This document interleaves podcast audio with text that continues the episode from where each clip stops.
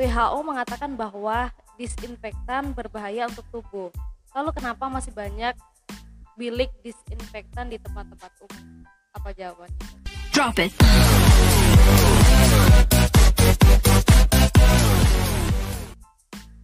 Halo rekan-rekan kita semuanya, Assalamualaikum warahmatullahi wabarakatuh Selamat datang di podcast Pelajar NU Tikung Nah, uh, kali ini tema kita yaitu COVID-19 dalam kacamata dokter Nah, baik rekan-rekan kita semuanya Sudah hadir di sebelah saya seorang dokter dari gugus depan penanganan COVID-19 di Kabupaten Lamongan Selamat malam dokter Maya Malam Mbak Lana yang cantik apa kabar dokter?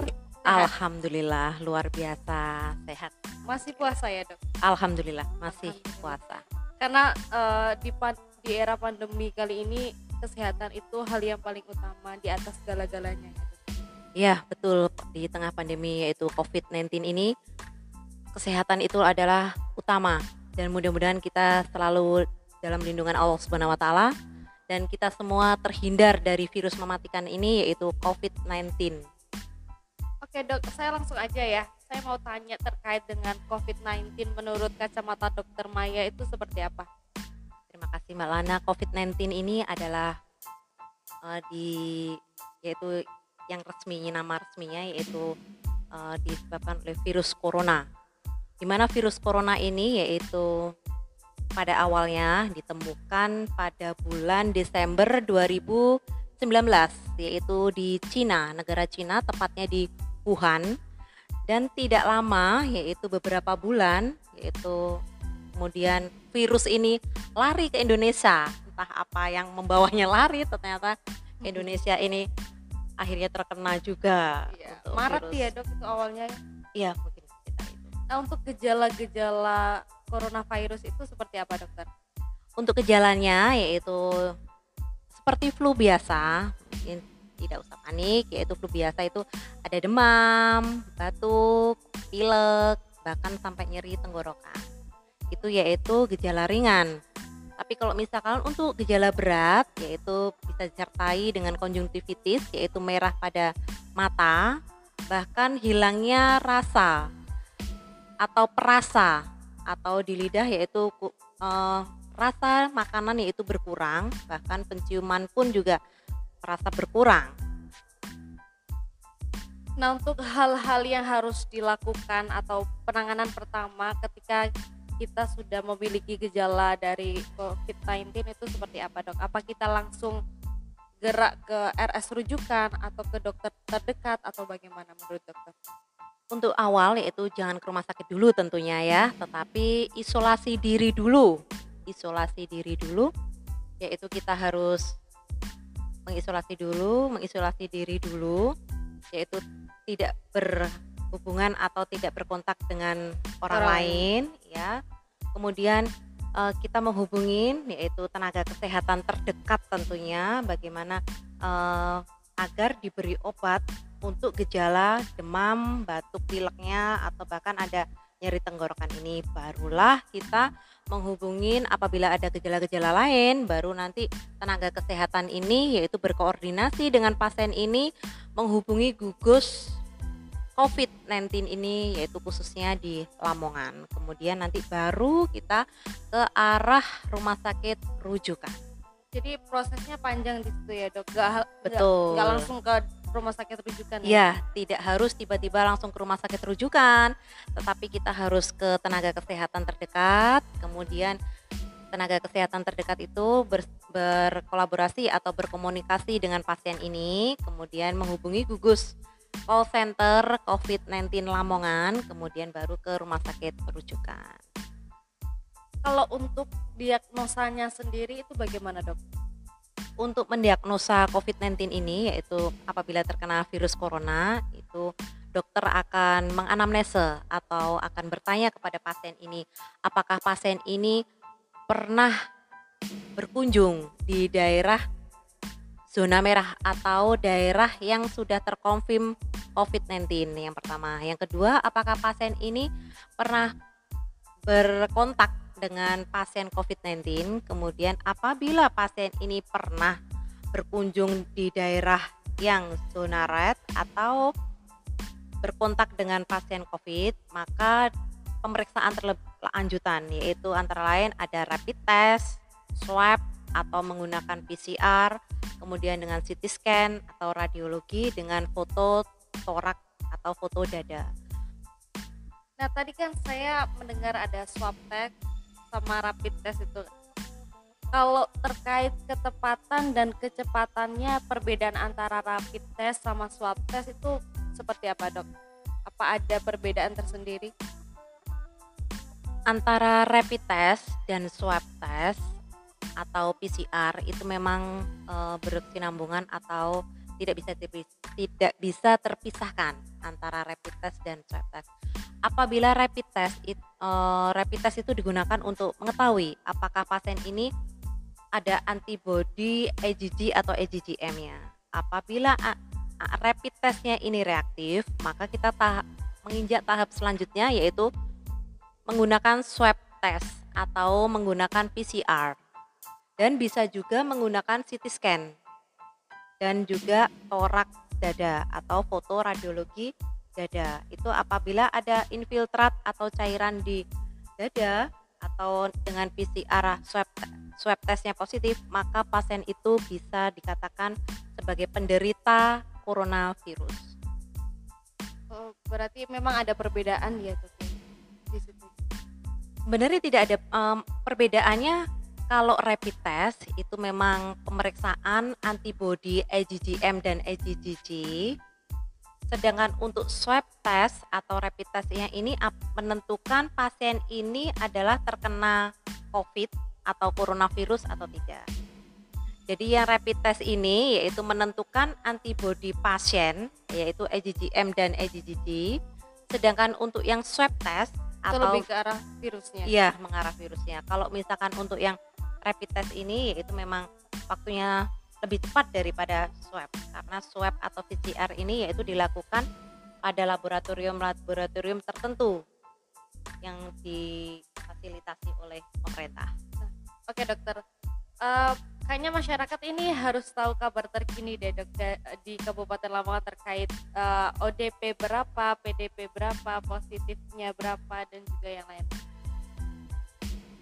Untuk saat ini yaitu update terakhir dari gugus COVID-19 Kabupaten Lamongan yaitu pada tanggal 8 Mei 2020 yaitu ODR itu 42.994 OTG itu 567, ODP yaitu 378, ODP selesai yaitu 299, ODP meninggal itu ada dua, PDP 147, sedangkan terkonfirm yaitu 49.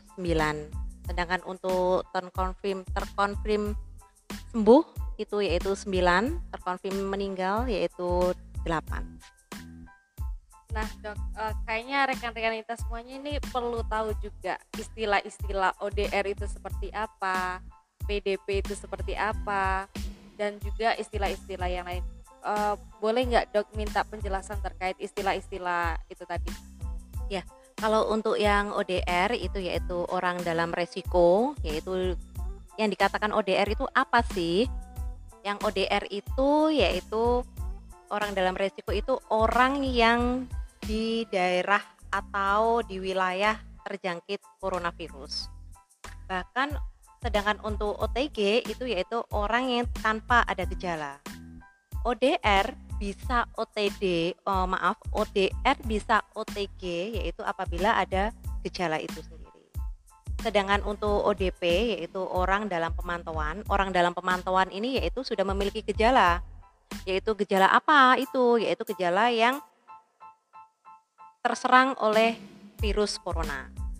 Sedangkan untuk PDP yaitu pasien dalam pemantauan yaitu adalah pasien yang sudah memiliki gejala berat bahkan sudah terswab atau melalui dengan teknik PCR ini dan apabila sudah terkonfirm PDP atau pasien dalam pemantauan ini harus diisolasi di rumah sakit rujukan.